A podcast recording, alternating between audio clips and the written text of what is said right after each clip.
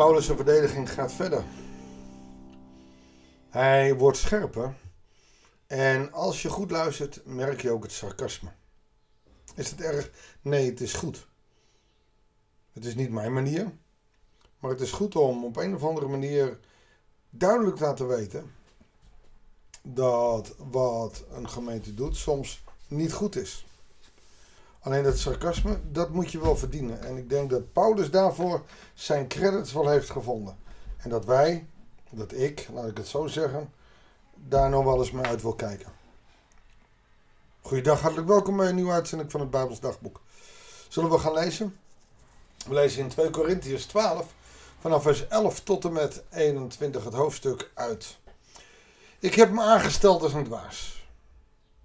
Hij vindt het dus vervelend dat hij zich zo verdedigt. Maar u hebt me daartoe gedwongen. U had me moeten aanbevelen. Want ik mag dan onbeduidend zijn. Ik doe tot toch echt niet onder voor die geweldige apostelen van u. Dit zijn niet de apostelen in Jeruzalem. Hè? Dit is niet Petrus en Johannes. En dit zijn nieuwe apostelen. En ik vind het er echt, het druipt eraf. Ik doe toch echt niet onder voor die geweldige apostelen van nu. Daar druipt het sarcasme vanaf. Hij zegt, dat zijn dwaalleraren. En die volg je. Goed, goed. En ik, die, die niks vraag, niks doe. En dat gaat hij straks nog uitleggen waarom hij doet. Ik moet me aanstellen als een dwaas, omdat jullie me niet eens aanbevelen. Alles wat een apostel tot een apostel maakt, heb ik u laten zien. Volharding en alles. Tekenen, wonderen en grote daden. Bent u in vergelijking met die andere gemeenten ook maar iets te kort gekomen? Ja, dit. Ik heb u niets gekost. Vergeef me deze onrechtvaardigheid. Oh, die is er ook weer. Die druipt eraf. Ik heb u niets gekost. Vergeef me deze onrechtvaardigheid. Oftewel, joh, als ik nou nog wat gevraagd had, had ik dat ook mogen doen. En dan had je niet moeten klagen. Nu heb ik je niks gekost. En nu vind je dat onrecht. Dit zegt ook iets als ik nou bijvoorbeeld nadenk over uh, het begeleiden van, wat mijn vrouw begeleiden van zendelingen. Daar vraagt ze altijd geld voor. Niet veel, maar ze vraagt wel wat.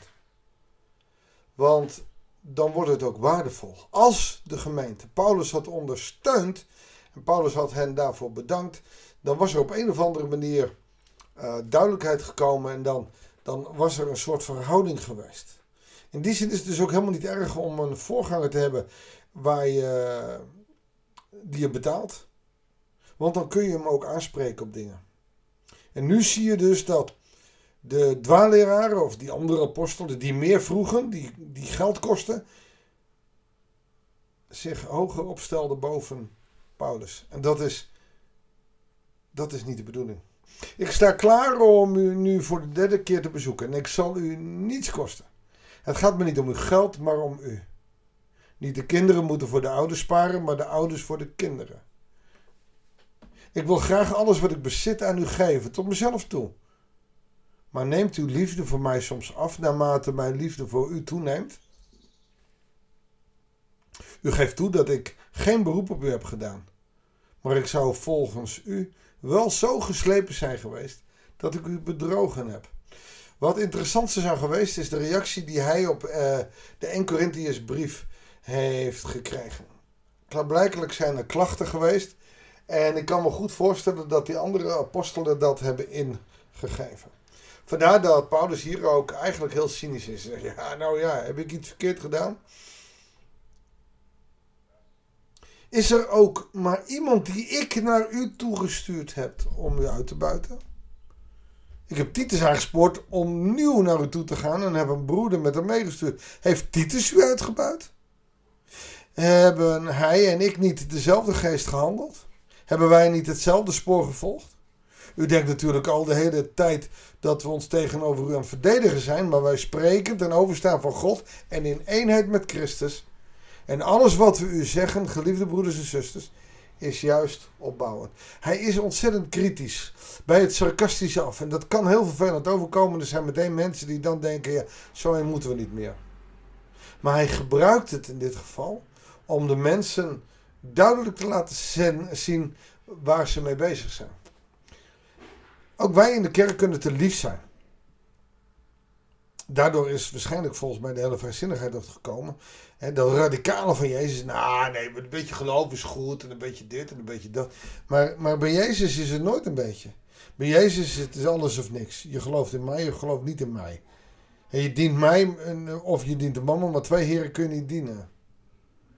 En, en dat gebeurt hier in, eh, in de Corinthiërs.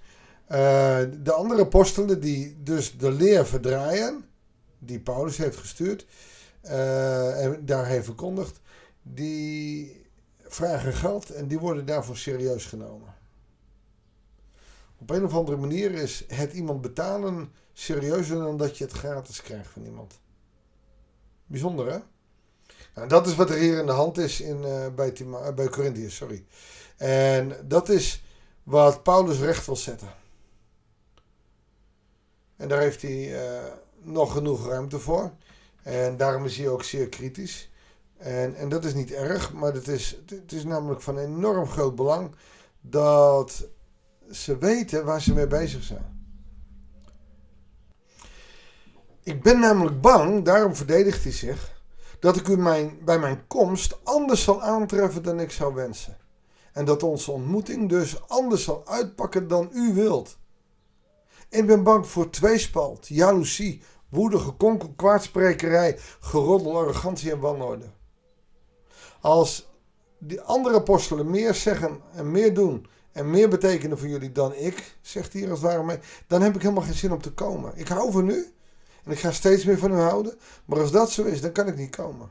Ik ben bang dat mijn God mij bij mijn bezoek opnieuw zal vernederen en ik opnieuw verdriet zal hebben om al die broeders en zusters die zijn blijven zondigen en zich niet hebben afgekeerd van hun zedeloosheid, ontucht en losbandigheid. En dat is nou precies waar hij moeite mee heeft. Ik wil geen ruzie, jongens, dan blijf je die verkeerde apostelen maar volgen. Maar ik ga daar niet mezelf verdedigen. Dat doe ik nu even om u te laten zien dat ik verkeerd ben. Nu kost het me niet zoveel tijd. Ik schrijf het in een brief en u mag ermee doen en laten wat u wil. Maar feitelijk zegt hij, kom later niet lopen klagen. En dat is van enorm groot belang. Paulus zegt het hier heel duidelijk neer. Niet uit eigen wijsheid, arrogantie, maar omdat hij ziet. En hij blijft ook in hoofdstuk 13 nog doorgaan hoor. Omdat hij ziet dat de Corinthiërs verkeerd bezig zijn. En dat doet hem zeer. En misschien heb jij dat ook wel eens. Als je andere mensen ziet en die dingen doen waarvan je zegt: Oh, dat gaat niet goed. En je durft ze er haast niet eens op aan te spreken. Paulus is daar niet bang voor. Paulus schrijft ze erop aan. Zegt: Zo heb ik je niet geleerd. Wij zijn soms al nou, te benauwd om dat bij onze kinderen te doen. Zo heb ik je niet geleerd. Nee, dat maak ik wel uit. In deze tijd het is ook helemaal niet makkelijk. We maken het zelf wel uit. In de Corinthiërsbrief laat Paulus duidelijk zien dat het niet gaat om wat wij willen, maar om wat God wil. En dat is vaak toch nog wel anders dan wij in deze tijd zouden willen. We moeten God leren dienen met heel ons hart, met heel ons ziel en met heel ons verstand. Maar ook dat verstand zullen we erbij moeten hebben. Volg Jezus. Paulus verkondigt hem. Volg hem. Jezus en niemand anders. En dat betekent niet marchanderen met een beetje van dit en een beetje van dat. Gebruik het ook niet in je taal. Ik ben een beetje zen of een beetje. Nee. Gebruik het gewoon volledig, zodat God in alles wat hij doet jou kan zegenen. Mag ik met je bidden? Lieve Vader in hemel, dank u wel dat we deze keiharde boodschap, zelfs bij het sarcasme af, van Paulus mogen krijgen. Om te leren dat wij niet moeten marchanderen met uw evangelie, maar dat we de helderheid en de duidelijkheid en de scherpte moeten laten staan. Heer, help ons zo om zo uw wil te volgen. Vandaag, morgen, Heer God, ga met ons mee. Dat bidden we u. In Jezus' naam. Amen. Dankjewel voor het luisteren. Ik wens je God zegen en heel graag tot de volgende uitzending van het Bijbelsdagboek.